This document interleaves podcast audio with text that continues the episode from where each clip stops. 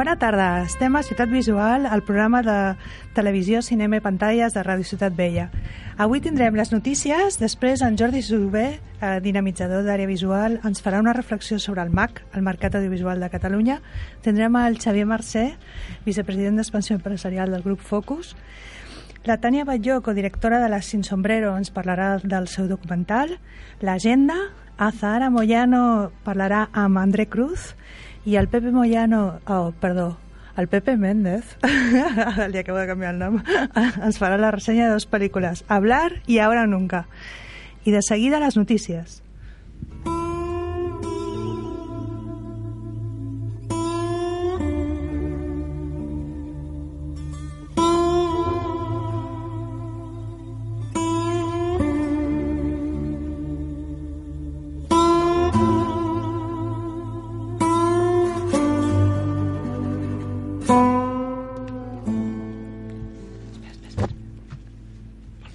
Doncs comencem amb les notícies. A la primera començarien dient que el Parlament insta el govern a seguir desplegant i aplicant l'impost de les operadores d'internet.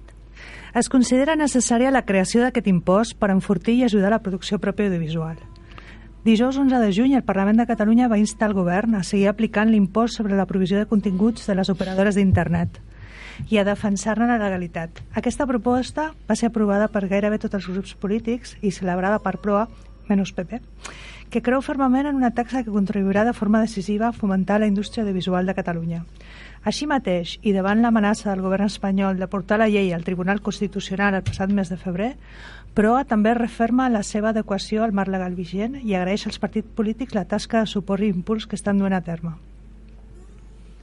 Jornada de portes obertes i classe de mostra a l'Escola de Cinema Bande Part.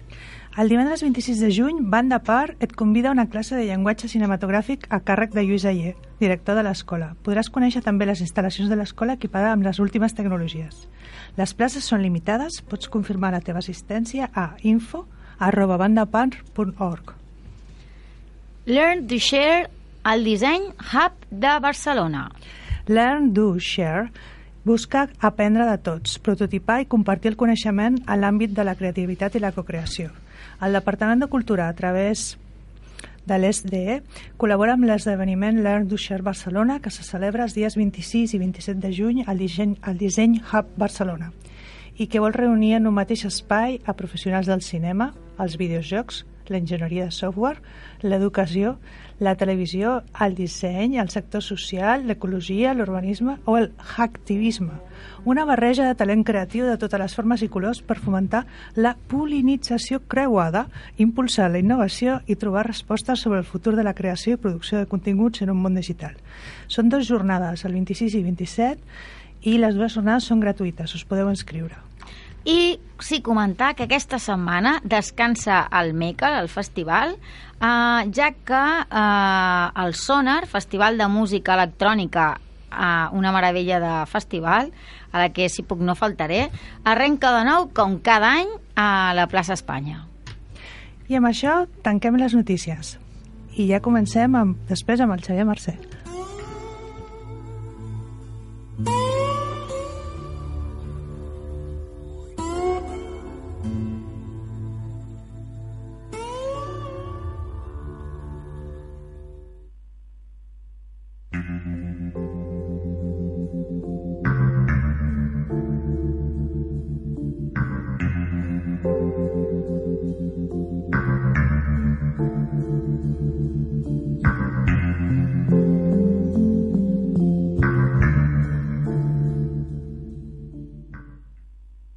any més i ja en van 16, Granollers va ser l'escenari de la Fira MAC, un mercat que, com saben bé els oients, no té res a veure amb l'Apple, pel fet de dir-se Mac, sinó que és, són les cicles, de fet, de Mercat Audiovisual de Catalunya. No?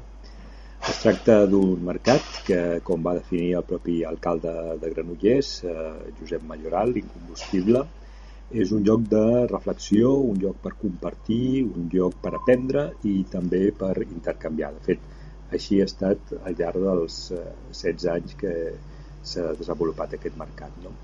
De les coses destacables d'aquesta edició, jo començaria parlant dels Premis MAC. El MAC és, sens dubte, una cita ineludible, un punt de trobada dels mitjans de proximitat i eh, dins d'aquesta edició eh, tenia lloc per primera vegada el concurs de programes de ràdio i televisió. Uns programes que presentaven els propis eh, creadors en forma de pitching i eh, mostra, eh, de fet en, mostren la, la gran creativitat eh, que s'està escampant pel, pel país. No? Val a dir que en aquesta edició eh, col·laboraven per primera vegada al costat de, de la XAL, que és l'entitat que de fet organitza els, el, el MAC, la xarxa de televisions locals, eh, hi havia també els mitjans de la corporació, eh, molt, molt oberts, eh, també a desenvolupar nous, nous idees, noves idees, nous formats, etc. No? Aquesta seria una primera dada a tenir en compte. L'altra seria una de les intervencions que van haver-hi, que va ser la d'Antoni Molons, que és el director general de la, de la cosa audiovisual de la Generalitat, la part més tècnica no? de les televisions, de tot això, i eh, ell explicava que eh, un, de fet era un toc d'avís sobre el model de televisió digital eh, que coneixem i com es pot transformar en els propers anys. No? De fet, eh, el que es dona és una gran pressió per part de la indústria del mòbil que eh, voldria eh, ocupar l'espai radioelèctric o la, el, el, la franja de, de canals que ara mateix té la, té la televisió digital. Llavors, eh, aquesta pressió fa que hi hagi unes directives europees que estiguin eh, tendint a que tot el que és televisió, que s'acabi el que hi ha ara de televisió digital per l'aire i que tot es faci per la xarxa, que tot es faci per, per internet. Això eh, seria un autèntic hàndicap per totes les senyals que són gratuïtes per a les televisions públiques, etc. No? que d'alguna forma són fàcilment accessibles. No? De l'altra manera, de la manera aquesta que es proposa en les directives europees, d'entrada la, la, la persona que vulgui sentir eh, o, o veure un programa televisiu doncs tindria que tenir una connexió a internet, el qual ja és una primera limitació, i després que, clar, això afavoriria d'alguna manera doncs, tot el que és el, el, el que es diu la monetització, és a dir, que d'alguna manera les senyals pues, eh, tindrien un, un sobrecàrrec que vindria donat pues, per, la, per els anuncis que, suplementaris que es, posar, que es podrien posar a la xarxa, etc. No? Llavors aquesta seria una mica eh, un, un, un toc d'avís, de fet, que va fer el, el, el Toni Molons. Una altra intervenció també molt vinculada a les activitats de la XAL va ser la de Jordi Gilabert, que eh, a través de la seva empresa van analitzar segon a segon com evolucionaven les audiències el dia de la, dels programes televisius, dels diferents programes televisius, al mateix dia de les eleccions. Llavors es podia veure en cada moment del programa quan eh, s'incrementava l'audiència i també els tuits que en cada moment despertaven les diferents intervencions. No? De fet, això eh, ha estat especialment interessant perquè és un primer ús del que ara s'anomena el Big Data, no? el gran nombre de, de dades que estan circulant a la xarxa, que convenientment analitzades i ponderades i posades en un, en un sistema de, que, que permeti visualitzar-les, doncs permet fer aplicacions com aquesta. Jo ressaltaria doncs, aquestes coses que he dit fins ara i ja per últim també el que seria el, el MAC de les empreses, és a dir, la part firal, la part d'exhibició, en la qual eh, hi havia un gran nombre d'empreses tecnològiques que exposen activitats i coses i productes i aplicacions que són útils pel sector audiovisual. No? Començaria per Moixar, que és un clàssic dels serveis de producció, de les grues, tot això, o Audiotecnologies, que també fa equipaments de ràdio i de televisió. Però eh, jo em, em detindria amb especial atenció amb l'empresa eh, Broadfy, que de fet és un marketplace de continguts de periodisme eh, ciutadà. És, d'alguna manera, una, un sistema en el qual doncs, tu, a través del teu smartphone, eh, veus alguna interessant al carrer o ets, eh, ets testic, testimoni d'una notícia i llavors ho graves i pots enviar-ho en aquesta xarxa, en Broadfy, i el que fan és intentar, d'alguna manera, actuar com a marketplace, és a dir, que hi ha televisions que poden estar interessades en, en adquirir aquest, aquest material. No? Llavors, és, eh, bueno, jo crec que és, és un, una, una iniciativa que ha sorgit aquí a Catalunya i que val la pena potenciar. No? Unes altres eh, eh, activitats interessants, per exemple, també eren les d'Irradia FM Mobile Solutions, que el que fa és crear apps per ràdios. Llavors, d'alguna manera, la persona pot estar escoltant una, una emissora de ràdio al, al seu mòbil i eh, en paral·lel doncs, a través d'aquesta app doncs, pot estar en contacte amb xats que tenen a veure amb aquesta ràdio o amb continguts suplementaris és a dir, que, que és una aplicació força interessant. Hi havia més empreses, hi havia més activitats, però potser en les properes setmanes es podem desenvolupar amb una mica més d'atenció per no esgotar amb, una, amb aquesta sola intervenció eh, totes les novetats que hi havia per allà. No? I us parlaré de, de propers dies, de, de la interactivitat, de, de les diferents solucions d'interactivitat que es van presentar, eh, dels transmèdia, de tot això que ara mateix eh, pues, bueno, és una mica cap a on va la televisió, no només la proximitat, sinó també les grans televisions. En fi, bona tarda i fins la propera intervenció.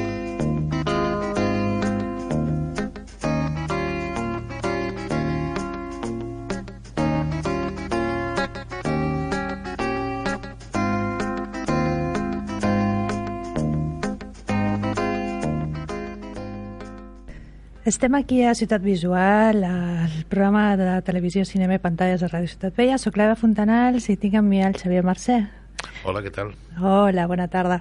El Xavier Mercè va ser director general de l'Institut Català d'Indústries Culturals de 2004 a 2007 i actualment és vicepresident d'expansió empresarial de Focus. Mm -hmm. Sí, no? Sí. Bé, estem molt contents de rebre a Ciutat Visual una empresa tan gran com Focus més que res perquè hem tingut moltíssima gent d'empreses petites, microempreses, també gent d'empreses importants com diuen la televisió o altres productores de sèries, però Focus és una de les empreses potser més grosses que està dintre de tot aquest sector de l'entreteniment. Encara que és molt especialitzada en teatre, també té una part audiovisual. Ens podries explicar una mica eh, què està fent o quines són les activitats de Focus actualment? Bueno, el concepte de gran sempre és molt relatiu amb això de la cultura, perquè mm, en què ho comparem? És a dir, a vegades parlem en aquest país, per exemple, que la cultura mou una quantitat enorme de diners i si ho analitzem en detall veiem que el 90% d'aquests diners en realitat els mou en tres empreses, és a dir, Planeta, Mediapro i alguna més. És a dir, és un sector molt de minifundi, perquè en realitat és un sector que xupa d'una cosa que es diu la creativitat, i la creativitat és un, un do que normalment té eh, capacitat per administrar-se a molt petita escala. No? Eh, no, nosaltres som una empresa que, que tenim un, un, un pal central que és el món del teatre. El que passa és que el món del teatre avui en dia és un multiplicador enorme de, de possibilitats per a altres sectors, com l'audiovisual, per suposat, però però també per altres elements, això que anomenaríem el món dels esdeveniments, dels elements singulars, l'art contemporani, és dir, és molt difícil trobar les fronteres perquè, perquè al voltant del món del teatre que hi ha és una, una idea mestra que és portable a molts terrenys de desenvolupament, que un d'ells és les arts escèniques, però un altre pot ser l'audiovisual. Nosaltres el que fem amb audiovisual essencialment és mirar d'explotar i admetem la paraula amb el sentit més creatiu i menys econòmic, el potencial d'una idea, d'un text, en totes les seves dimensions possibles.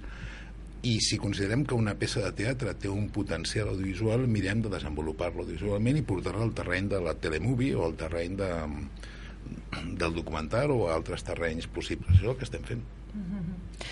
eh, quins serien els d'aquests conceptes o creadors, no? Quins serien els vostres creadors estrella? bueno, Focus és una empresa prou diversa, és a dir, té, té, té, té, té quatre, a Barcelona tenim quatre, gestionem quatre teatres, el qual vol dir quatre línies de teatre un pèl diferents.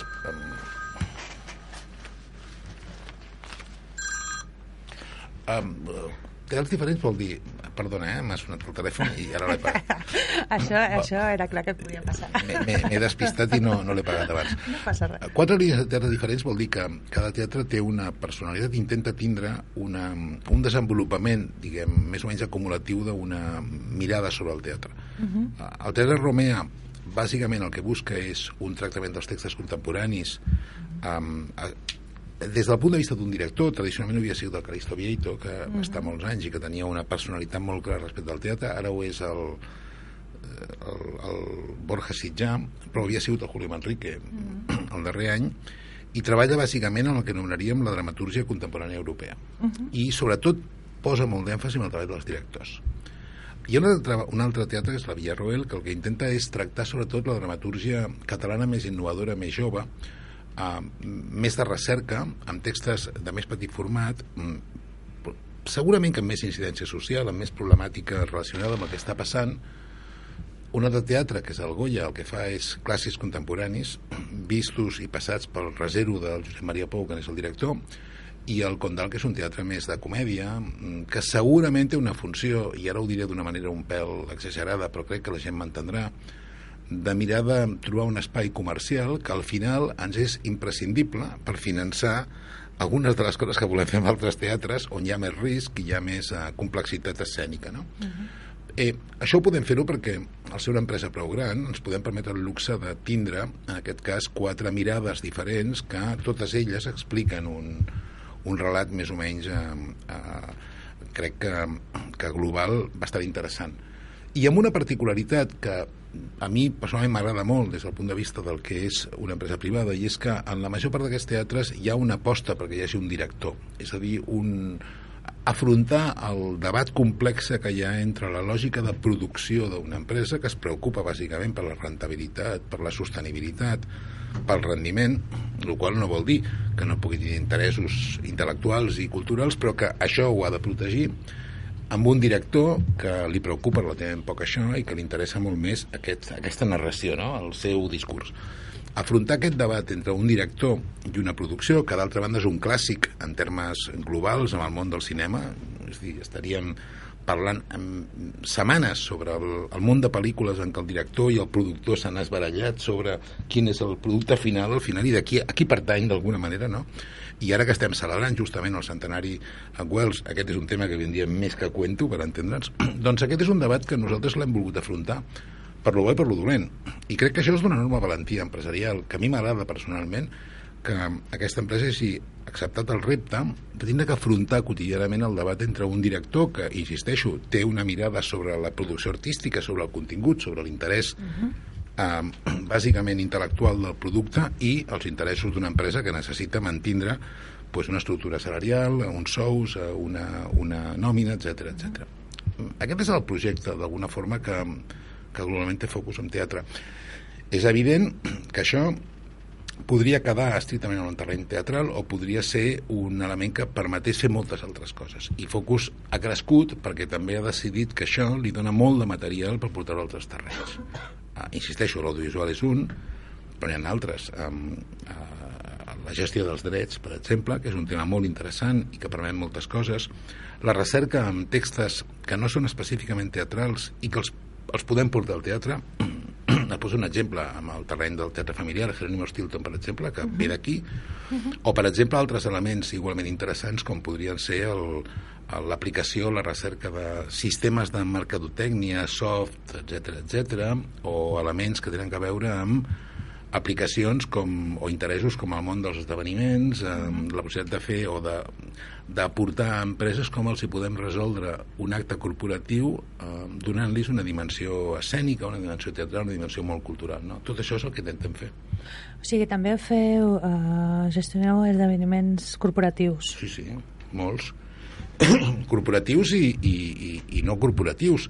Nosaltres hem fet coses tan, tan enormement complexes com la inauguració del fòrum, aquella bola, si la recorda algú, uh -huh. o, per exemple, l'acte la, central de la, de la Expo de Saragossa, que era un iceberg col·locat al mig del riu, que era un espectacle dirigit pel Calisto Vieito, en el que era una apologia sobre la l'ecologisme i l'autodestrucció la, del, del, del, del món, per entendre'ns, eh, des del punt de vista de l'explotació intensiva dels recursos naturals, que no deixava de ser un espectacle que tenia una, una, una arrel escènica molt potent però que tenia un contingut polític eh, i jo diria que alternatiu molt destacat uh -huh. per posar exemple d'esdeveniments de, d'una certa magnitud i també podem, i ho dic amb tota la normalitat del món si, i, i ojalà en tinguéssim més contribuir a dissenyar l'acte de presentació del, del Seat Ibiza de l'any que ve uh -huh. per molt bé molt bé. I llavors, eh, dintre de tota... O sigui, diguéssim que el, el vostre és... Eh, té tendència a ser una mica efímer? Vull dir, són, són coses que munteu... El teatre és efímer sempre. Per això. amb el sentit següent. Uh -huh. Hamlet no és efímer. Un muntatge sobre Hamlet és efímer. Clar.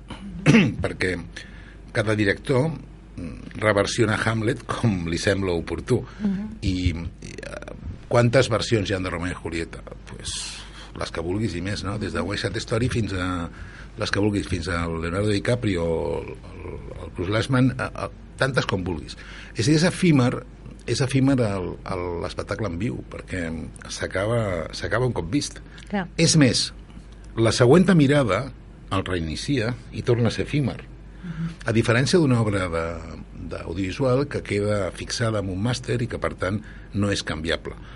Clar, jo puc interpretar Casablanca de mil maneres diferents, però és Casablanca, no és canviable, no és tocable, parlo de la pel·lícula. Uh -huh. Però una obra de teatre és tan, tan canviable com els ulls que la miren, perquè a més els actors la matitzen, la reinterpreten, la viuen de manera diferent cada dia, i a més el director que fa aquest text i la torni a fer de nou probablement la farà diferent, amb una sonoritat diferent.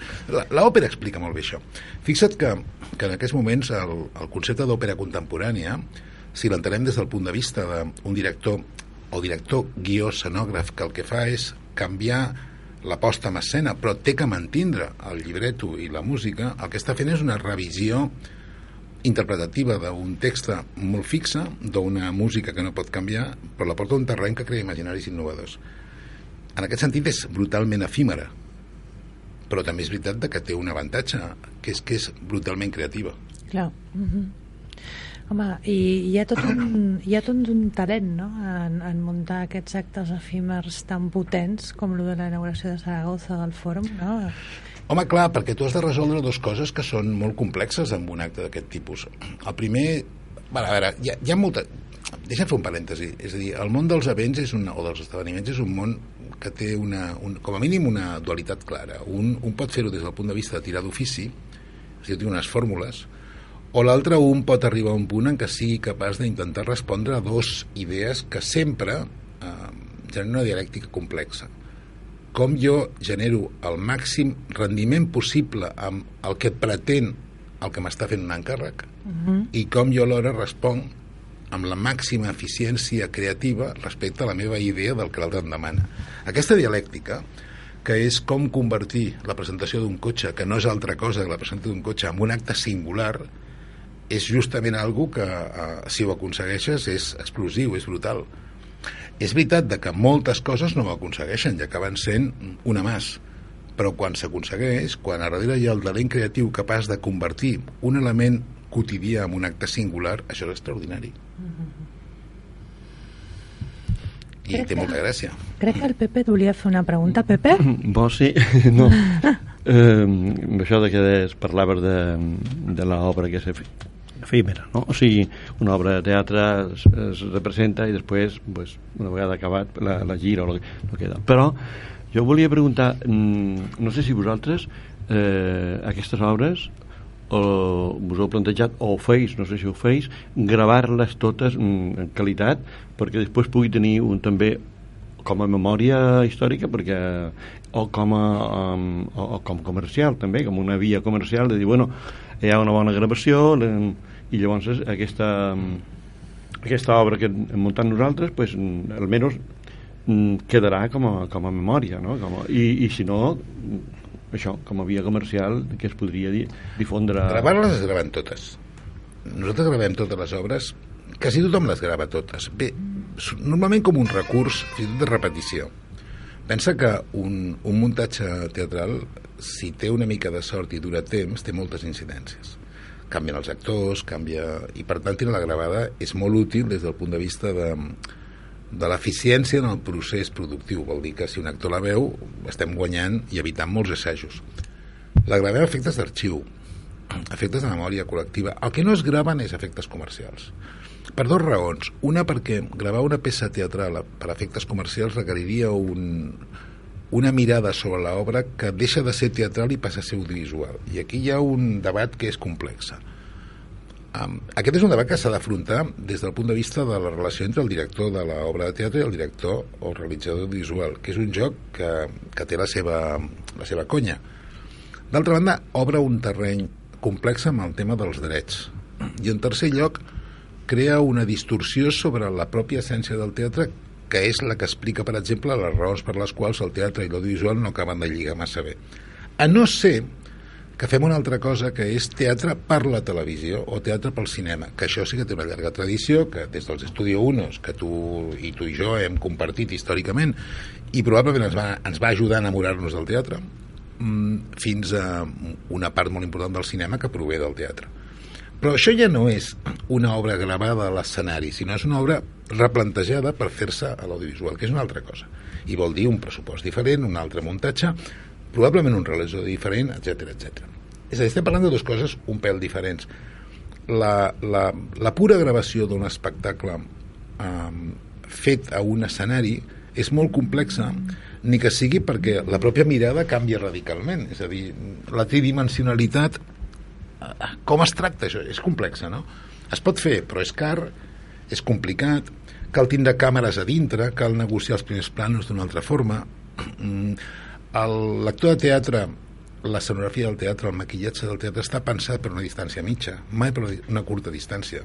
Tu pots fer un primer plano d'un actor de teatre i pot ser espantós, perquè el maquillatge està pensat per veure's de 30 metres, és a dir, té la seva complexitat. Per tant, és un tema que ens interessa molt i tots estem intentant trobar la solució, però si tu m'estàs referint a allò de dir, coi, gravem teatre i col·loquem-lo als quioscos perquè la gent ho, ho pugui comprar com a fascicles, per entendre'ns, això, d'entrada en aquest país, no xuta. O no he tingut trobat la fórmula perquè funcioni. Ja puc dir una cosa, com a us estic, us estic sentint, eh, a part, us te dius la, la, per mi la quarta o cinquena més important, és insuportable veure teatre val, val. gravat, és insuportable, ho dic com a, com a jurat de, de, de, Sí, sí. de concursos de teatre que t'envien primer les cent cintes dels minitisses de les obres i és molt difícil jutjar una cosa que és, com tu dius, in situ tridimensionalment, amb una cosa plana És bastant que un no corolari... d'acord. És bastant un corolari del que jo deia, però si volem resumir-ho, et dono tota la raó. I a més, i a més, cinquena, sisena o setena, Ah. al teatre, a la tele, tal qual, és que, és que es donen... de existeix, patates. l'has matat, l'has capat, vull dir, la quarta paret aquesta, Bueno, no? exacte. Fixa't un detall. Mm, Nosaltres, per exemple, com a associació d'empreses teatrals, fem cada any la gala Catalunya aixeca el taló. I és una gala que fem, ara la fem al Liceu, funciona molt Sí, bé, la- és fantàstica, tal qual, però el gran conflicte que he tingut sempre és com resoldre uh, la, el ubicar-hi trossets d'espectacles que fora de context són insuportables. Clar. Quin sentit té col·locar un, dos minuts d'un text teatral perquè algú parli? No, no, fer un tràiler de teatre és molt complicat. És molt Moltíssim. complicat. Òbviament, sí, és sí. complicat. I jutjar una obra per, per aquell minut, vull dir, quan, quan realment les obres bueno, estan composades eh, amb un, en tota la seva longitud, vull Clar. dir que no és com una pel·lícula i menys, no? Això, per això un guió de pel·lícula pots fer en 10 minuts i una obra de teatre és de, té, té unes altres eines, no? No volia dir-ho amb aquesta contundència, però et compro la major, tens raó. No, gràcies, El te- el dic teatre- com a... El teatre audiovisual, mm, mm, ara per ara, eh, no acaben de lligar. És cert, de totes formes, que amb recursos tot es soluciona.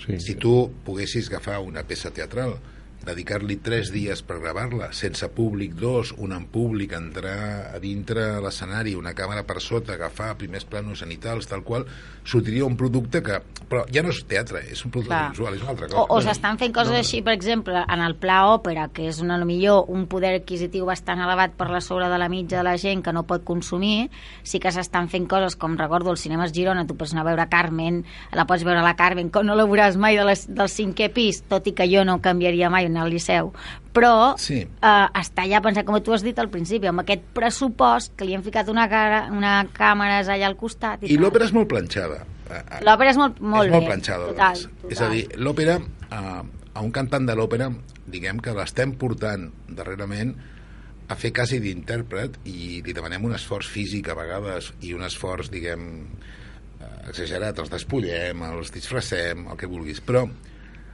amb origen, l'òpera està pensada bàsicament per recitar un llibreto amb una música fantàstica.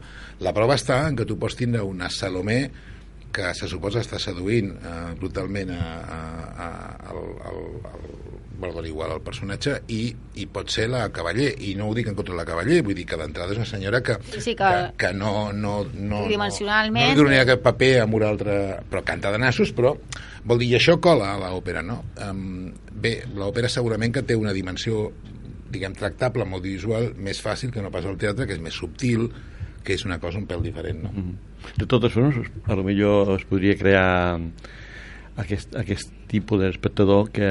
perquè hem, hem vist moltes obres també de teatre en cinema Clar, i, perquè- i, i perquè- directament perquè- va, els veure de, de fet Sí. hi ha pel·lícules eh, d'aquell el danès aquell el Les Dreyer, i són, són, Dreyer, sí. són obres de Clar, teatre No, no, a part de la, de, la, de la relació entre teatre i cinema... I són obres mestres. O, o jo he dit Les Pontrier perquè va fer Dogville, per exemple, que és una peça teatral, no? Sí. Però, en qualsevol cas, una altra qüestió diferent és entendre que darrere de la nova dramatúrgia teatral, i especialment l'actual, en realitat hi ha un material que és tan audiovisual com teatral. Ah, jo, jo això ho defineixo amb una, amb una expressió que pot ser afortunada o no, però crec que intenta explicar el que vull dir. En realitat, una part molt important de la dramatúrgia teatral actual són més teatre movies que no pas obres de teatre. És gent que es nota que té una educació audiovisual molt important i gent que en bona part ha contribuït a fer guions, ha participat del guionatge televisiu i per tant construeixen obres de teatre que són fàcilment imaginables com una pel·lícula el qual facilita molt aquesta translació d'un text al teatre o a una telemovie, per exemple, o a una pel·lícula. Un dels que va entendre això molt ràpidament, per lo bo i per lo dolent d'aquest país, ho dic perquè he fet pel·lícules que a mi m'agraden molt i altres que no tant, és el Ventura Pons, per exemple, que és un director que ha, ha tret molt del teatre d'aquest país. Però tu agafes un Belbel, agafes un Galceran, agafes eh, molt de temps d'aquest país i en realitat has de les seves peces i te les pots imaginar eh, una Carol López, te les pots imaginar fàcilment eh, com una peça audiovisual. Sí. I de fet, cada vegada hi ha més tendència també, no?, de barrejar teatre amb audiovisual. Vaig estar a Berlín, per exemple, no?, Mm. i en aquest espectacle hi havia totes unes projeccions no?, que acompanyaven una mica tota la dramatúrgia. Són dos temes diferents, eh? Uh -huh. És dir, una qüestió és la, la incorporació de les noves tecnologies com a un suport eh, escenogràfic o un suport diguem que ajuda a multiplicar el potencial d'un text teatral. Això és un tema. Uh -huh. Una altra qüestió és el tractament d'un text des del punt de vista teatral o audiovisual. Jo crec que són dues coses que no sempre són el mateix, encara que puguin donar la impressió d'una d'un mestissatge més gran entre l'audiovisual i el, el món escènic, que d'altra banda és obvi perquè estem al segle XXI i, i per tant negar la presència brutal de l'audiovisual a la nostra societat seria un pèl absurd, no?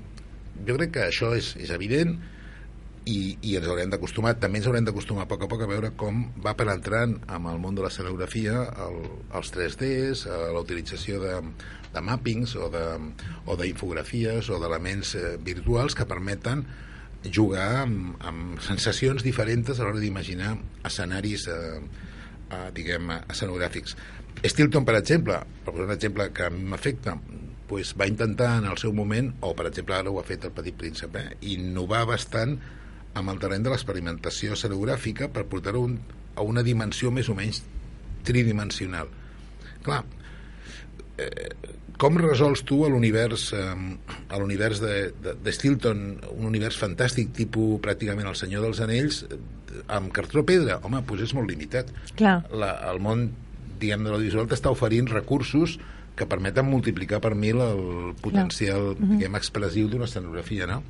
I a més connecta molt especialment amb els nous públics i amb el públic infantil i juvenil el qual encara ho ajuda més. Això té una virtut que és aquest multiplicador té un problema i és que eh, tècnicament és complicat.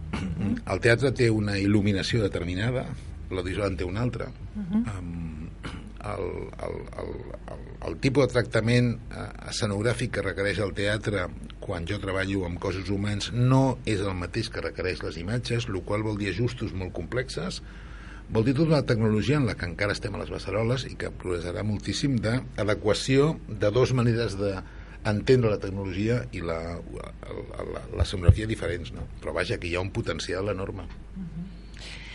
Volia demanar, Xavier, quins són els vostres plans respecte a audiovisual mm, aquest any, el que ve? nosaltres som... Nosaltres tenim una... una... Veure, el món audiovisual, que vosaltres el coneixeu molt bé, és un món que té dos característiques un pèl, un pèl particulars. Una, en el nostre país, eh? un univers de compradors molt limitat. Quan dic compradors vull dir les televisions, um, parlo de l'audiovisual professional, eh? del, mm. del, del, que anomenaríem el negoci audiovisual. Una altra qüestió és um, el, el món audiovisual vist des del punt de vista de l'oficiant, que aquí té YouTube i té 50.000 coses i 50.000 elements per fer coses. Eh? Mm. Això és un tema que els meus alumnes de comunicació audiovisual els explico clarament. A veure, vostè, si vostè el que vol és treballar en l'audiovisual té moltes possibilitats. Si vostè el que vol és viure de l'audiovisual, això ja canvia un palet, no? Però, situats en el terreny professional, l'univers dels compradors és molt limitat. I, i d'altra banda, l'univers de les possibilitats també, perquè som un país bastant colonitzat pels imaginaris audiovisuals internacionals. Això ens dona un escenari en el que, en el que apareixen dues possibilitats. Possibilitat A, jo competeixo amb el marc de fer el millor producte possible perquè sí que compra una empresa, que és la sèrie, el, el programa de ficció, el que sigui, i això té unes limitacions, o l'altre jo tinc un projecte propi que intenta fer forat amb certa personalitat dins aquest món. Doncs hem optat per aquesta. I el nostre, el nostre objectiu és molt simple tenim l'ocasió, la possibilitat, l'oportunitat de disposar d'una enorme quantitat de drets eh, de continguts escènics uh -huh. perquè produïm molt, perquè som una empresa que produeix molt, per tant toca molts textos, toca molts continguts, els compra, els exposa, arrisca per ells, de la, una part dels quals generen possibilitats audiovisuals. I el que fem nosaltres és, quan detectem que un contingut té possibilitats audiovisuals, el que fem és mm, posar-les en marxa. A través d'algú tan evident com una telemovie, podria ser una pel·lícula, um, pot ser un documental, pot ser un tractament, diguem, indirecte, però que explota les potencialitats d'aquest text que nosaltres l'hem treballat en terrenys tan diversos com és el teatre i també, en aquest cas, l'audiovisual.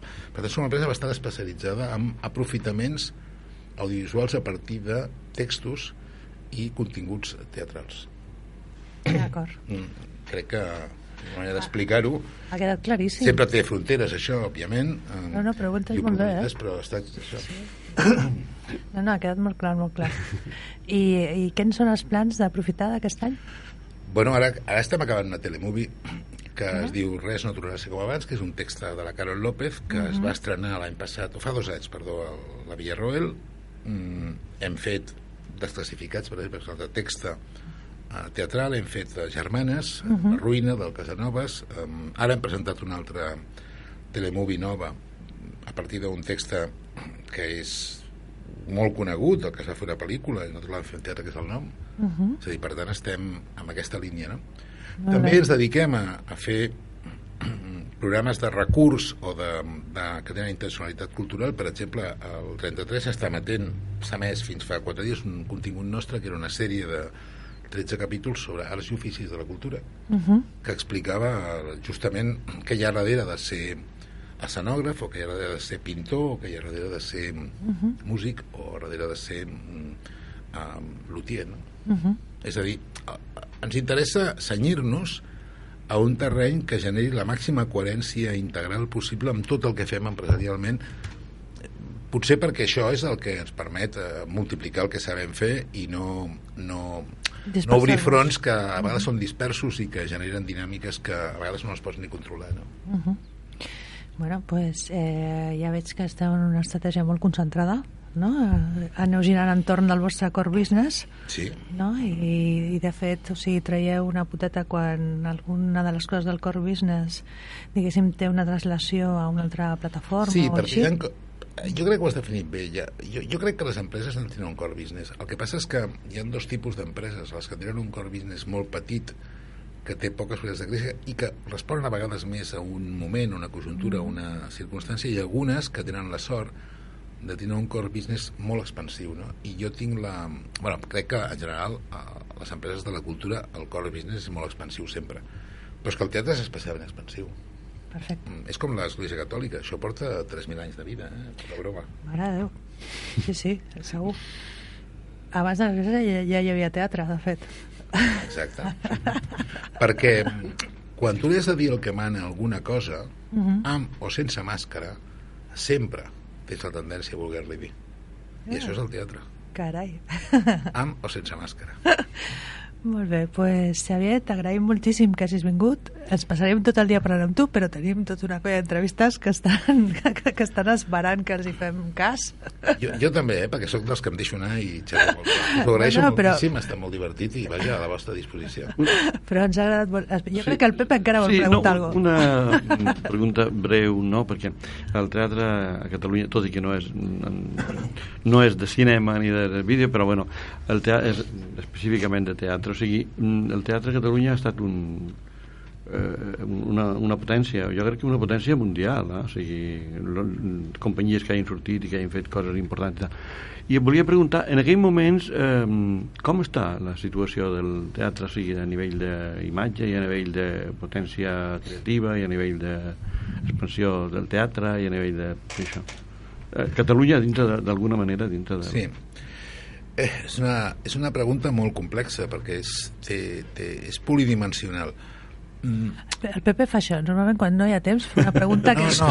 No, ja breu, però bueno. com, que, com que ja ens, l'Evans Allò- ha, dit, l'Evans ha dit que no abusem del temps que ens ha donat, no, no, siguem, però eh, tres, tres, tres respostes que són tres abordatges possibles per això, que no els desenvoluparem, però que en tot cas Bueno. crec que a la gent, a la gent li dona la impressió de per on podien això. Primera, um, eh, estem en un moment en què, en què IVAs, eh, restriccions pressupostàries, etc etc han limitat molt la capacitat de producció. Per tant, tenim un talent que no està explotat del tot. Aquest és un problema real. És a dir, tenim més talent que no pas el que expliquem. Sí. En bona part, O sigui, hi ha gent esperant sí, sí, fer no, no, o gent que, gent que podríem treure-li més partit que no li traiem, Val. perquè no tenim Mhm. ni recursos públics ni privats.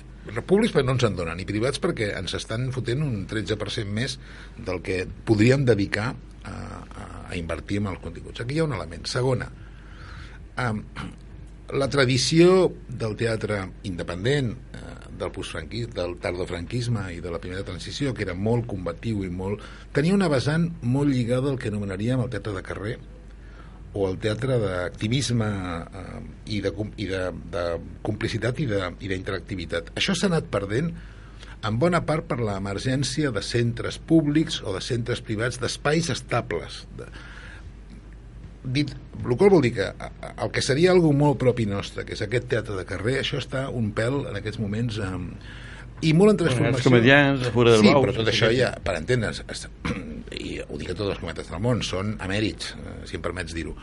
Um, hi ha hagut una traslació d'aquest tipus de teatre de carrer que tenen unes, un, uns, con- uns continguts més polítics, socials, eh, cap a un teatre objectual, d'objectes. Te vas a Tàrrega en aquests moments veuràs que hi ha més teatre d'objectes que no pas teatre de carrer i el qual es podria un debat sobre què vol dir una cosa i l'altra, però crec que m'entens, no?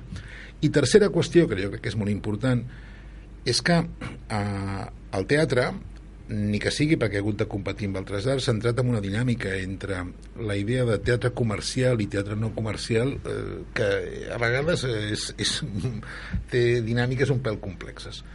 Jo crec que aquests tres elements fan que el que teníem de singular fa 15 o 20 anys amb teatre ho hagin perdut un pèl i si en aquests moments ens comparem amb el món segurament que hauríem de...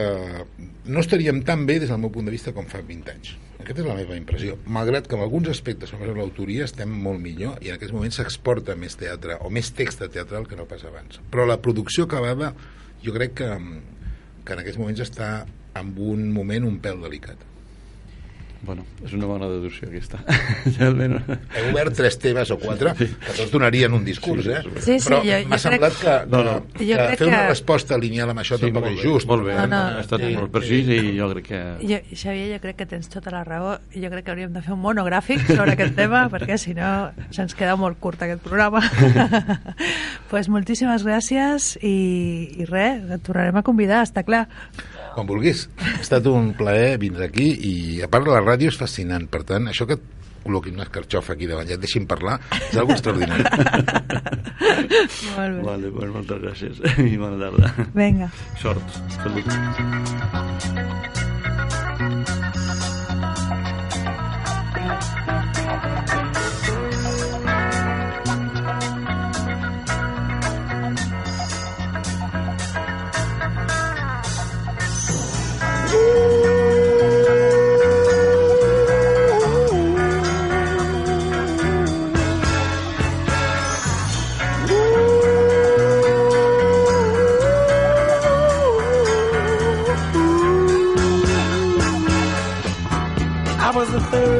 Brother of five, doing whatever I had to do to survive. I'm not saying what I did was alright. Trying to break out of the ghetto was a day-to-day fight. Being down so long, getting up didn't my mind. But I knew there was a better way of life, and I was just trying to find. Hola, bona tarda. Doncs seguim aquí a, a Ciutat Visual. Ara farem l'agenda i eh, amb el Pepe Méndez. A veure, Pepe, comencem amb les notícies que comporta l'agenda d'aquesta setmana. Bueno, a l'agenda, mm, en principi hi ha aquí una activitat que és Arguin Film, cinema i arquitectura a la Filmoteca. Mm -hmm. Uh, avui, 18 de juny, darrera projecció a la Filmoteca de Catalunya d'aquest interessantíssim cicle sobre l'arquitectura i el cinema. El programa uh, de pel·lícules de no ficció ha sigut molt variat aquests dies i ens ha exposat sempre la diversitat i maneres d'afrontar l'ofici d'arquitecte. Avui es projecta aquesta darrera uh, a les 20 hores a la Filmoteca. Es titula HLM, Habitatges lleugerament i modificats, i la presentació es farà a càrrec del director Guillaume Manyer, perdoneu que no, soc, no sé molt francès, Xavier Ros i el Freddy Massat. Espereu que ho gaudiu a la Filmoteca. Molt bé, bueno, i la segona, bueno, continua el Festival de Cinema Jueu a Barcelona, Continua, com ja sabeu, durant aquests dies es celebra com cada any el cinema jueu de Catalunya fa el seu propi festival i té la seu a l'Institut Francès. Aquests dies eh, i fins al 21 de juny, que té la cluenda, podrem gaudir del millor cinema jueu de la ciutat. Algunes de les pel·lícules que encara podreu veure són East Jerusalem, West Jerusalem, d'Israel, avui dijous a les 21 hores a l'Institut Francès. Després de la boira, demà divendres a les 7 de la tarda, i Chagal Malevich de Rússia demà divendres també, però a les 21 hores, també al mateix Institut Francès. El preu és molt reduït, fan 4 entrades a, per 10 euros i l'abonament total és de només 20 euros. A qualsevol altra forma, informació la trobareu a la seva a web www.fcgbarcelona.org. Vale. Aquesta setmana descansa el MECAL, el Festival de Curtmetratges de Barcelona. Doncs per què descansa? Perquè ve el millor festival de cinema, de, de cinema no, de música electrònica, el Sonar, com cada any, que no hi falteu tampoc, soc pro Sonar, arranca com cada, com cada any i tindreu, eh, quan acabi, el Mecal Rooftop, que és el que s'està fent fins ara, tots els dijous, al terrat de l'Hotel Silken Diagonal. L'entrada, com sempre, gratuïta. O sigui que el proper dijous, dia 25, re aquest eh, festival al Hotel Silken Barcelona de Diagonal. El Miquel, Miquel Air, eh, tots els divendres també, es farà a la plaça de Baluar, al poble espanyol. L'entrada són 3,50 euros en flyer i 6,50 sense. Bueno, espereu que, esperem que tingueu prou agenda per aquests dies. Sí, bueno. Fins aquí l'agenda, o sigui, us deixem amb la, la Eva. Bona tarda, Eva. En- Ens deixen en tu? No, no, jo vull. Bona tarda, bona tarda. Ara anem a parlar amb la Tània Batlló d'Entropia eh, Media, que és, és la codirectora de, del, del documental Las sin sombrero. Una miqueta de música i entrem.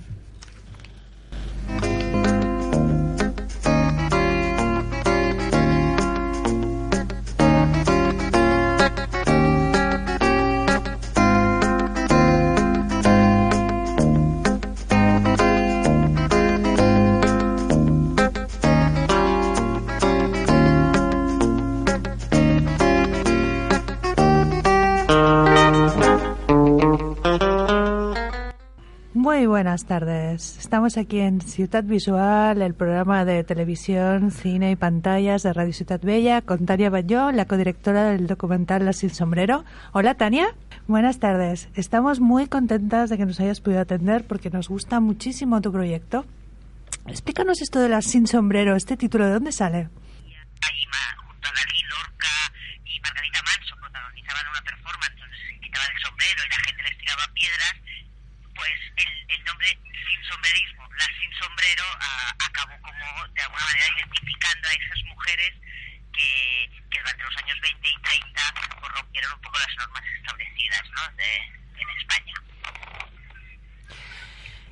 De hecho, hay este esta anécdota, ¿no? De, de que le, estuvieron tirando piedras porque irse sin sombrero era como, vamos, como realmente ser lo peor, ¿no?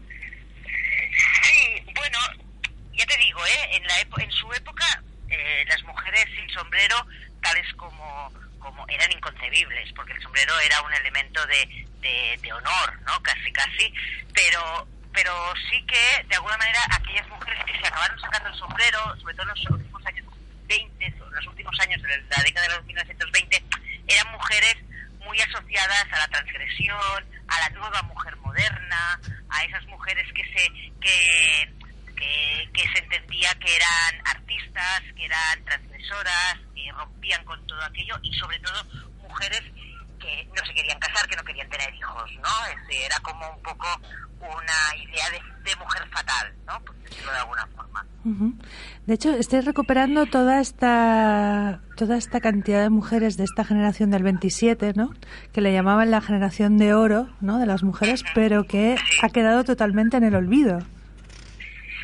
Sí, efectivamente. Es decir, eh, el tema, sobre todo con el, el, olvido eh, de la, diríamos, de la historia de las mujeres o del efecto de las, de- el impacto de las mujeres en la historia es endémico en cualquier sociedad, ¿no? Es decir, esto no hace falta, sabemos el por qué, es porque de la misma forma que la historia la escriben, la escriben los, los, los que ganan, la construyen los hombres, por, lo- Ujú. por lo cual en ese momento eh, las mujeres siempre quedan en un segundo, eh, a un segundo plano. Pero en el caso de la generación del 27 es aún más doloroso porque la generación del 27 es eh, seguramente, o no, seguro, la generación más importante y más popular de la historia cultural española, ¿no? Es una generación que, por ejemplo, tiene un amplio eh, archivo fotográfico de índole personal, correspondencia, donde ellas aparecen, donde ellas se demuestra palpa- pa- se demuestra que ellas estaban ahí, que compartían esa Ujú. relación con ellos. Y entonces, claro, que esa popularidad, que esa gran marca de la generación de los 27 no les haya, ah, no las haya acogido a ellas, aparte de, somet- de, de- de someterlas a un, a un a un olvido más, más profundo, pues es también aún más una gran injusticia histórica, ¿no? Em, Tania, eh, cítanos unas cuantas así a, a chorro.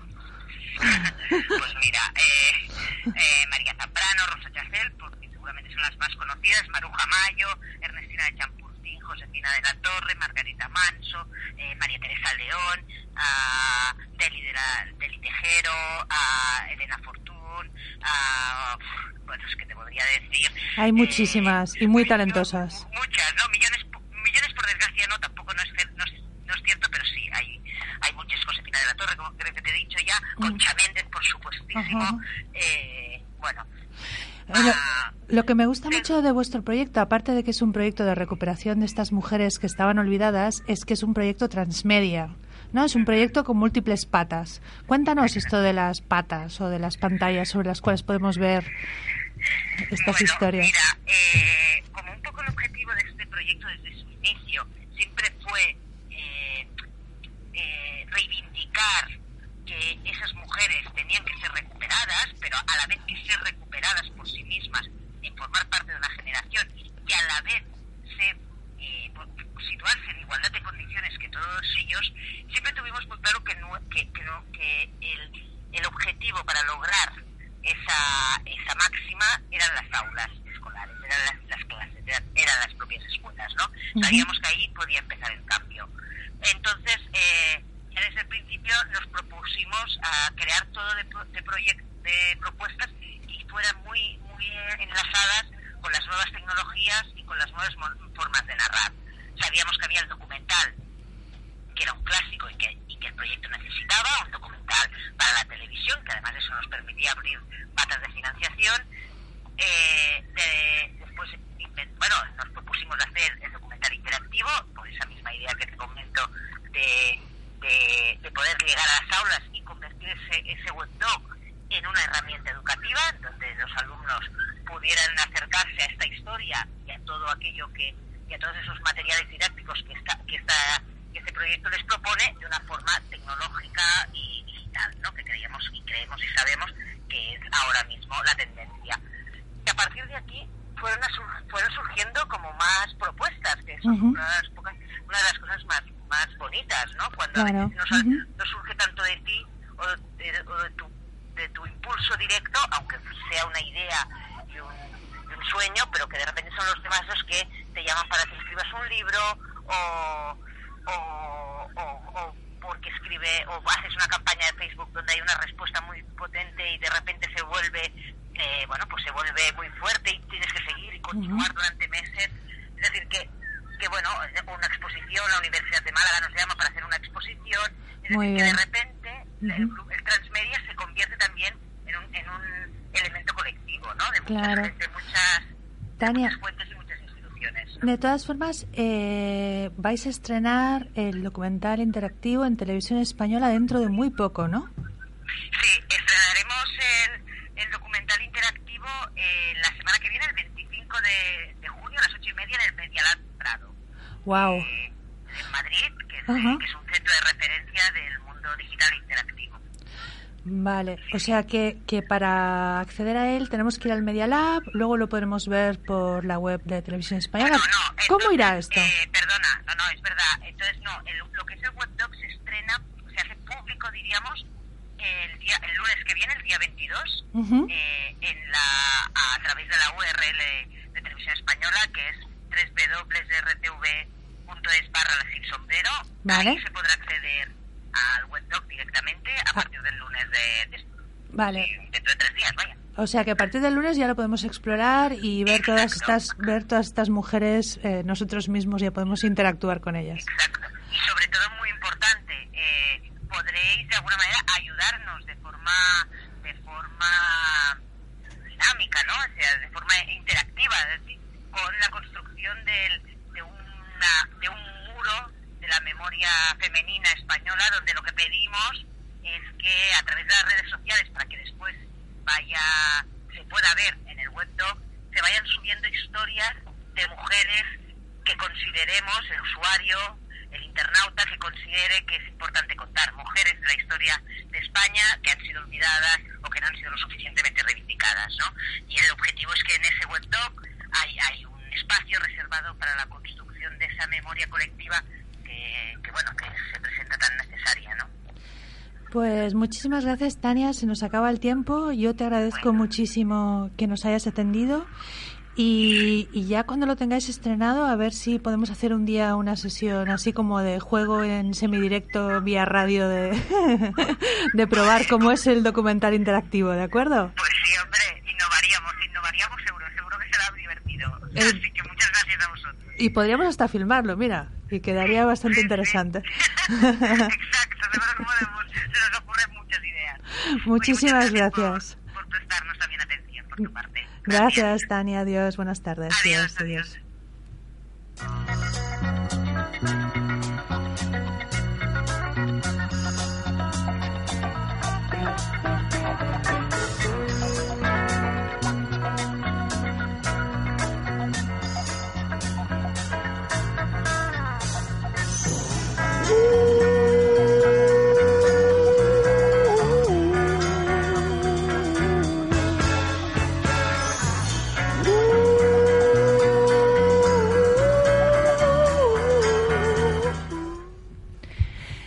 Estamos aquí en Ciudad Visual con Zara Moyano. Hola, Zara. Buenas tardes. Hola, ¿qué tal, Eva? ¿Cómo estás? Bien, contentita de tenerte aquí otra vez. Yo pasándonos en hora veo hoy. Hoy, hoy sí, nos van a reñir. Hoy nos van a reñir. Es que hoy hemos tenido una persona muy potente y claro, ha hablado muchísimo.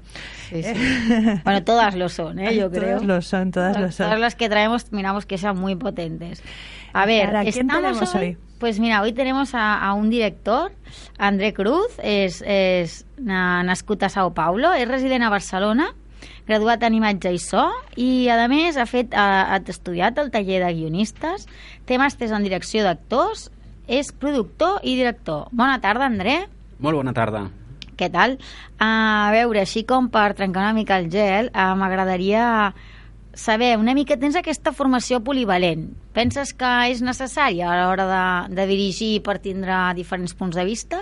Eh, necessària no ho és, el que passa que pot, pot anar molt bé tenir eh, qual, qualsevol cosa que tingui a veure amb la formació va bé, no? Jo tinc molta formació tècnica per part de lo que és eh, rodatge i postproducció, que això, clar, òbviament m'ha ajudat molt eh, a l'hora de dirigir saber mm, de què estem parlant, sobretot a nivell tècnic, a nivell de com, com funcionen els departaments, els equips, etc.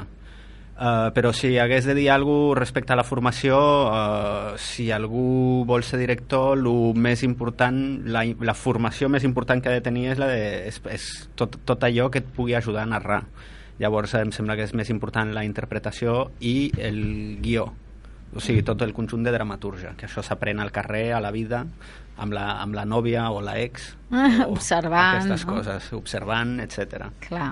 A part, eh, productor i director de molts videoclips i d'artistes molt diversos, tot i que molt bons, Ojos de Brujo, amb Paranoia, Macaco, Fito i Fitipaldis, Jarabe de Palo, inclús eh, eh, vas fer el videoclip eh, Bonito de Jarabe de Palo, eh, que va obtindre la nominació als Premis Grammy Llatins.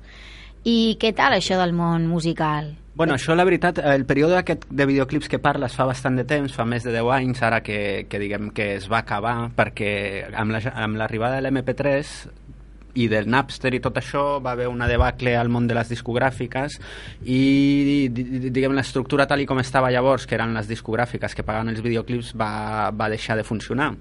Llavors jo en aquell moment vaig deixar de fer videoclips i bueno, han passat molts anys. Ara continuo fent, he tornat a fer, però per una qüestió, perquè també la tecnologia ha evolucionat molt i el, e- és molt més fàcil i diguem és menys car eh, fer la producció.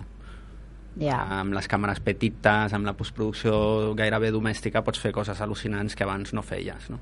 Clar, òbviament això eh, suposo que haurà empobrit una mica tot el sector i, i amb això les apostes, no? Sí, de totes formes, d'aquella època i també de lo que estic fent ara, eh, em sembla que és, és, va ser un moment molt important per mi per entrenar-me una mica i poder tenir la possibilitat de rodar, de postproduir, d'estar actiu eh, dintre el món audiovisual, a més a més de poder pagar el lloguer, no?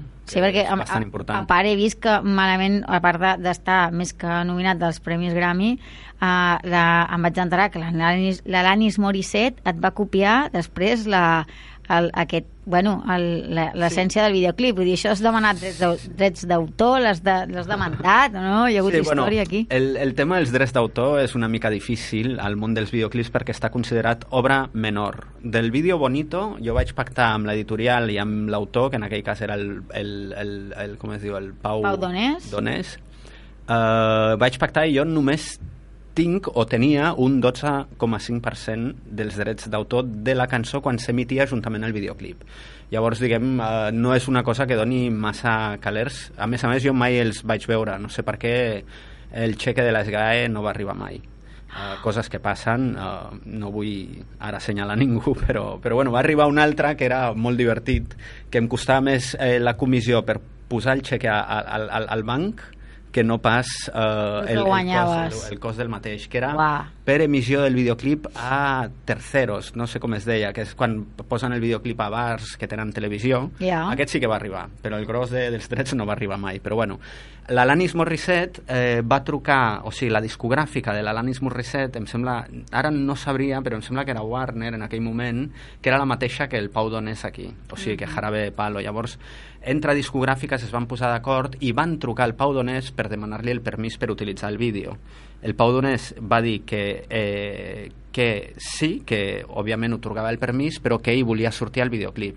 I de fet, si chequegeu el videoclip, es diu Everything, de Alanis Morissette, surt el Pau Donés que li talla el cabell a l'An- a l'An- a Alanis Morissette. Van fer el mateix vídeo, pràcticament, van canviar una mica la tècnica, i, i una vegada acabada amb el Pau Donés en vam, diguem, més o menys comentar a veure si, si quin era millor, no? O sigui, el, el fet a Los Angeles amb, tota la millonada i, i amb, els, amb els xeques, perdona, de l'ESGAI, que sí que suposo que arriben que no tenen Sí, això ESGAI. no, no ho sé. O el nostre, que l'havien fet aquí, que també va ser força car per lo que és un vídeo local a l'època, no? Bueno, molt bé, ja en, en anècdota històrica queda això, ja almenys. Sí, sí, sí. A part de veure el Pau Donés de perruquer. doncs, uh, també he vist que està experimentat a la publicitat, perquè has fet uh, diferents spots per la Generalitat, el Teatre Lliure, Mitsubishi. Es recull alguna de la televisió, de l'estètica aquesta tan rítmica o Bueno, suposa que sí. Suposa que si eh, la publicitat eh, és, és molt sintètica, s'ha de contar una història o vendre un producte en, un, en, en, en molt poc temps, llavors eh, la narrativa és molt dinàmica. A, això, per aplicar-lo després a, una, a, un, a, un, a un discurs llarg, eh, no necessàriament ha de ser útil. Està bé, és pràctic, però, però és una cosa que no, que no... Jo particularment sí que, òbviament sí que funciona, sí que ajuda, però no, no, no, no és necessari passar per la publicitat eh, com per fer pel·lícules o alguna cosa. Bueno, t'ho pregunto ja que la teva darrera òpera prima, diguem-ne, perquè he vist que també el, amb el mig, mig metratge Killer Berberechos eh, vas, vas ser premiat. Uh, ara, uh, en l'òpera prima L'altra frontera, protagonitzat a més per l'Ariadna Gil, uh, he vist premiat els FICAT, vaig tenir l'oportunitat d'estar allà, Uh, voldria demanar diferents preguntes i per això també una, una mica la pregunta d'aquesta estètica televisiva que després es veu una mica... No es veu a la pel·lícula, però en parles. Ja, eh, bueno, clarament hi ha, hi ha una aposta formal a la pel·lícula que comença d'una manera molt, diguem, com cine, per dir-lo d'alguna manera, europeu o gairebé rus, és a dir, comença lent, amb molt pocs planos, amb una narrativa molt aforista, vol dir, o passen moltes coses o fora de quadro o a l'elipsis. Entre, sí. entre una seqüència i una altra han passat coses que després et trobes que ja han passat i has de deduir-les i a poc a poc eh, formalment la pel·lícula va avançant cap a una narrativa totalment televisiva i totalment òbvia, diguem, de, de, de, allò que et posen eh, totalment davant el que està passant d'una manera clara i, i fins i tot redundant.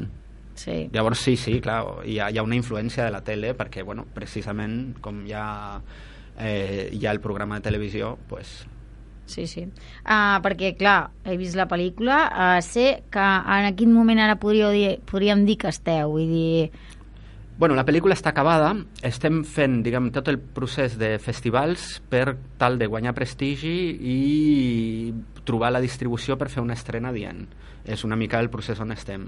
Ens va relativament bé, o sigui, no, no podem tirar coets, que es diria, però tampoc no, no ens podem queixar. Hem tingut eh, un premi, al, un premi molt important que és el Melies uh, d'Argent, de, de plata, al festival BIF, que és el Brussels International Fantastic Film Festival. Uh -huh. És importantíssim aquest premi, allà va tenir molt, molt bones crítiques, tinc una recopilació allà a l'ordinador de tot el que va estar sortint durant el festival i això ens ha deixat molt contents. També la nominació als Gaudí va estar bé, vam estar nominats a millor pel·lícula en català, a millor so i millors efectes especials, encara que no van guanyar res, però bueno, només la nominació ja dona un prestigi, ara al FICAT tenim, ens han donat aquesta... De fet, li han donat a l'Ariana Gil una menció especial per la seva arriscada interpretació. I bueno, ara continuem participant. Uh, hi ha algun festival més que més o menys ens ha dit que estarem, però encara no és oficial, o sigui, no es pot uh, comunicar i bueno, ens queden alguns mesos d'aquest periple per festivals per veure si aconseguim aixecar una mica l'interès per la pel·lícula i aconseguim trobar un distribuïdor que ens ajudi a, a estrenar com cal en un cinema, tindrà allà un temps exacte, i, exacte. Bueno, perquè la pel·lícula promet, vull dir, ja només a, a, a aquest estat embrionari que ja està prometent perquè ja té premis i, i, i reconeguts, sinó que a més eh, bueno, van tindre l'oportunitat de veure les FICAT i era, és, no et deixa indiferent, no? Vull dir, és una pel·lícula... Per, L'ha rodat en català. Sí. Això puc demanar per què? Sí, bueno, era, per dir-lo d'alguna manera, aquí vivim a Catalunya, eh, jo visc aquí des de, des de l'any 85, gairebé, a, a, llavors, eh, clar, tots sabem que hi ha una política lingüística en català que ajuda, diguem, a tot el que està fet així. Si l'haguéssim fet en castellà, eh, haguéssim tingut moltes dificultats per aixecar la producció, perquè els productors principals són TV3, la, i després hi ha, hi ha ajuts de la Generalitat de Catalunya, encara que també tenim ajuts del Ministeri de Cultura de l'ICA d'Espanya, no? Uh Mhm. -huh. Però, bueno, vam veure clar que si la fèiem en castellà ho, ten, ho tindríem difícil per aixecar la financiació. Llavors vam dir, bueno, millor fer-la en català que no no fer-la.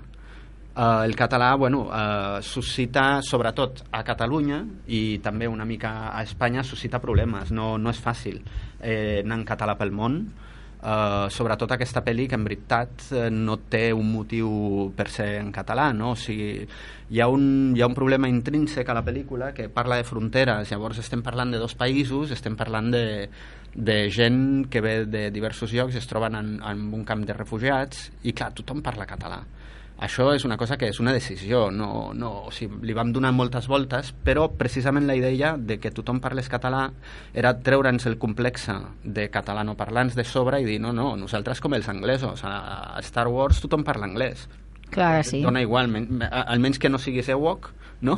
que Ewok, tinguis un altre idioma, sí, sí. que llavors parles amb raça, unidos. clar. Clar, però llavors vam dir, parlem tots en català, perquè si diem que uns parlen en català, altres en castellà, en francès o en anglès, el que sigui, estaríem localitzant la pel·lícula.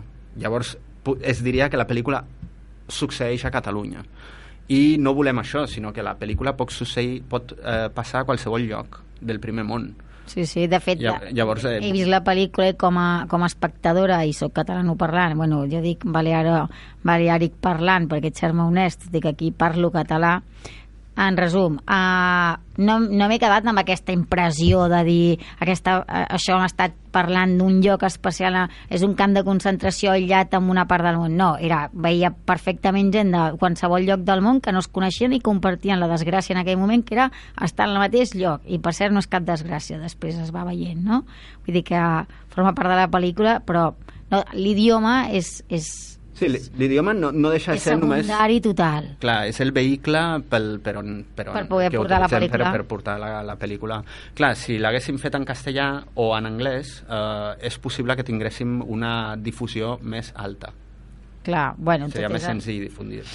A lo millor no estaries on estàs ara, Però és també, que curiosament, jo m'agradaria dir que, respecte a això que precisament hem rebut crítiques negatives a Catalunya i crítiques positives on no es parla català. Moltes crítiques tenien a veure amb el separatisme, amb eh, el fet de que la pel·li sigui en català, simplement diuen i per què l'heu fet en català? No té sentit que sigui en català. Bueno, té tant sentit com que pu- Com ser- no, no, en anglès, que, no? per això dic... Clar, això fora de la frontera catalana o hispano-catalana, o sigui, fora de la península, és un debat que, que, que, Que no existeix. No existeix, només Ah. existeix aquí i és molt curiós. Bueno, ja, bueno, és una mica de política, com sempre, no? Exacte. Però bueno, jo espero que la pel·lícula, com és, el que sí que és internacional, vull dir que estàs parlant d'una temàtica que malauradament toca tot, perquè clar, aquesta pel·lícula, mm, sense ser cap spoiler, han de dir que eh, no et deixen diferent per això mateix, és una crítica a la cultura o a la no cultura que tenim avui en dia, a l'efecte aquest televisiu, que, que vivim una mica en els reality shows, el show de Truman, aquest estil de, de vida, i com això una mica ens atrapa, no? Vull dir, no sé, és molt actual, però el que tu has dit, partint d'una cosa molt ideològica, no? Sí, eh, bàsicament eh, jo el que podria dir és que és, un, és una crítica principalment al sistema, molt més que no passa als mitjans de comunicació o, al, o a la televisió, que també, eh, però, però eh, és com un... O sigui, tot el que succeeix a dintre d'aquest camp de refugiats, que està dividit en nivells, no? ells tenen nivell C, nivell B, nivell A, van pujant de categoria, clarament és, una, és com si fos una metàfora d'una soci, societat totalment classista, segregada entre gent rica, gent molt rica, gent pobra, gent molt pobra, i a més a més hi ha la reflexió es desprèn a la pel·lícula de que hi ha gent que està més enllà del nivell A aquí sí que no, no diré per què perquè seria spoiler total que és Sí. el final de la pel·li i, i també eh, què passa abans de, de que entrin, no? de que arribin o sigui, hi ha gent que no està ni tan se vols al sistema hi ha gent que està com més enllà de, de, de, de la cúspide de la piràmide no? o sigui, estan guanyant el primer premi al podio però encara hi ha un lloc millor i la reflexió que fa la pel·lícula finalment, que això sí que es pot dir és que el lloc aquest millor en veritat no té cap sentit que és on vivim, vivim ara que és, un, bueno, és la dictadura del capital no? podríem dir Total. I que aquest, aquest estatus, aquest classisme que només és econòmic, no, per, no té cap altre... No, està, no fluctua res més que els diners o l'estatus social és, és a dir, no, no omple res vull dir que l'únic que porta és la competència el malviure, que és el que li passa als personatges de la teva pel·lícula i que al final acaben, bueno, que, que tindreu que veure-la tots per veure com acaben però que molt, molt ben tancat, jo crec, no? fantàstic, m'agrada que diguis això És veritat, vull dir, ho penso de veritat. Aquí tenim el nostre crític, el Pepe Méndez, que l'enviarem just que s'estrenyi a veure la pel·lícula. fantàstic, molt bé doncs uh, no sé si tens alguna cosa més a dir. T'agradaria dir alguna cosa a les distribuïdores que s'animin, que s'arrisquin, que no vagin sempre a lo segur. Tenim l'Ariadna Gil de protagonista, premiada, sí. i, i bueno, jo crec que el teu passat eh, té avala, no? Sí, bueno, eh, òbviament, eh, si no podem estrenar la pel·lícula, té a veure amb que la pel·lícula no té una vocació totalment descarada i comercial, sinó que precisament com és una crítica, és una pel·li que no és que sigui indigesta, però és de digestió pesada. És una pel·li que, que diguem, la consideració estàndard de les eh, distribuïdores avui en dia eh, no volen distribuir pel·lícules que et facin pensar o que et facin qüestionar, diguem, si està bé o malament eh, el lloc on vivim, no? O sigui, ha... El cinema que es ven més fàcil és un cinema de, de, de diguem, de diversió, d'evasió, no? Entres allà per veure els problemes d'altres, i però que, que, que, diguem, que puguis riure. Clar, que no, no, no, no té el pique i aquesta és d'aquest pic i és molt rusa en aquest sentit. Clar, però bueno, ja podríem fer do- donar-nos alguna una mica i, i ajudar-nos a estrenar. Sí, la I veritat és que sí. sí. Bueno, Sí, sí, estem a veure si les- i tenim esperances, eh? Val, a veure si l'estrenes i ja et tindrem aquí de nou. Moltíssimes gràcies, bé. André, per haver vingut. De res. Moltes gràcies. Gràcies a vosaltres. I, I perdona per l'espera que t'hem fet fer, que avui se'ns ha acumulat la feina. Ah, I bueno, aquí amb el Pepe Méndez, la crítica de la setmana. Bueno, hola, ¿qué tal? It was a teenage wedding and the old folks wished them well. You could see that Pierre did truly love the mademoiselle. And now the young monsieur and madame have rung the chapel bell. C'est la vie, say the old folks. It goes to show you never can tell. They furnished off an apartment with a two-room robot sale.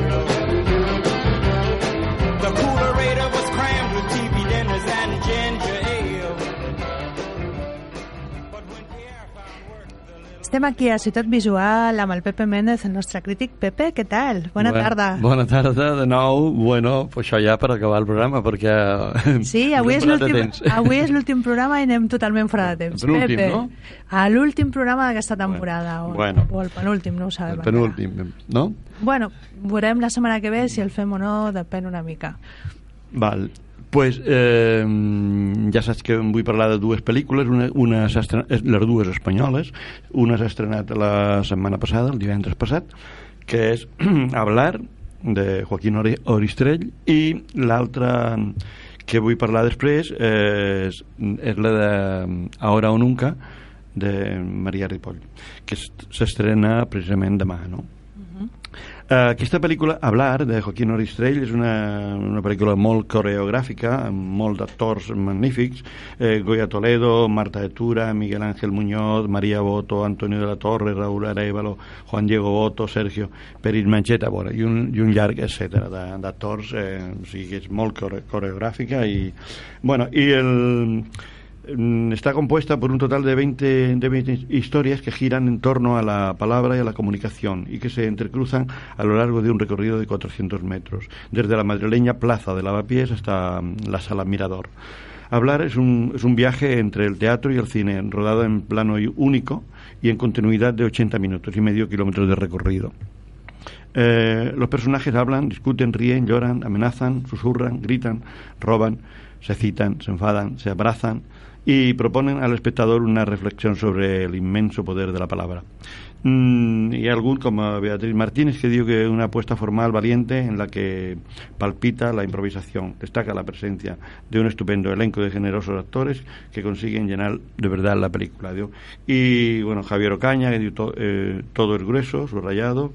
Estamos ante una película mm, de la variante convencer a convencido, queda mm, el excelente trabajo técnico. No?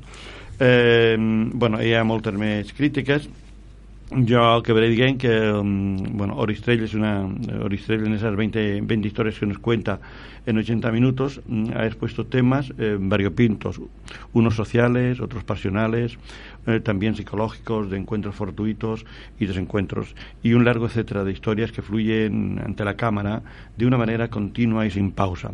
Es una película episódica condensada en un espacio reducido y, y todo se nos presenta como, eh, como visto por el ojo de esa cámara, eh, como si fueran nuestros propios ojos, que ven la vida mm, pasar mientras nos damos un tranquilo paseo por la calle una noche de verano. ¿no? Eh, puede que al principio nos resulte algo chocante la teatralidad de algunas interpretaciones, pero esa sensación pasa pronto para convertirnos en unos curiosos mirones del espectáculo que la noche nos proporciona. Eh, pero la propuesta de Joaquín Oristrel no es tanto la historia que nos cuenta, sino, o las historias que nos cuenta, sino la apuesta por la manera que nos lo cuenta. Eh, esta es una de esas películas que los alumnos de todas las escuelas de cine, así como interesados en, convertirse en, en profesionales, deberían estar obligados a ver, porque la propuesta del director es como una lección de realización, de producción y de coordinación en todas las diferentes ramas en que se constituye la producción de una película. Y, y de ese riesgo el director sale de ella con muy buena nota. Muy bien, pues me alegro. Y bueno, la, la otra película, eh, que es eh, Ahora o Nunca, Mhm, de Maria Ripoll, de no? Maria Ripoll, és l'última pel·lícula que, ha- que ha fet, després de Rastros de Sàndalo, de Sàndalo ha fet Sí. aquesta. I, bueno, és un, també hi ha un bons, un bons actors, Dani Rovira, Maria Valverde, Clara Lago, Alicia Rubio, o sigui, és, hi ha un, un plantell de- d'actors molt bon. Eh, bueno, la sinopsis es, em, Eva y Alex son una pareja que tras años de noviazgo decide casarse en, el lugar en el que se enamoraron, un pequeño pueblecito de la campiña inglesa. Eh, los problemas de la boda comienzan cuando una huelga de, controladores eh, im- impide que el novio y los invitados se reúnan con, una, con la novia y su séquito en, en Inglaterra. ¿no? Mm, esta es una comedia divertida, pero insustancial. Aunque su tono, su tono, su tono distendido y de fiesta aligera su ritmo incansable y, y la buena sintonía entre los intérpretes y la calidad de su trabajo le da solvencia a la obra. Eh, diálogos aparentemente mm, espontáneos, eh, tono jocoso, ausencia de prejuicios, eh, todo eso lo convierte en una refrescante, en un refrescante pasatiempos mm, para desintoxicarnos eh, de los problemas del día y salir del cine con ¿Con una sonrisa? mediana, sí, mediana, medianamente buen humor y como se sale de, un- de una burbuja espacial, sin plantearnos nada más que la, la banalidad, aunque la banalidad eh, sea en este caso agradable porque te ha, te ha proporcionado, bueno, una cierta diversión, una serie, Mm. serie de, bueno, risas eh, y... Ya, mira, ya me apetece.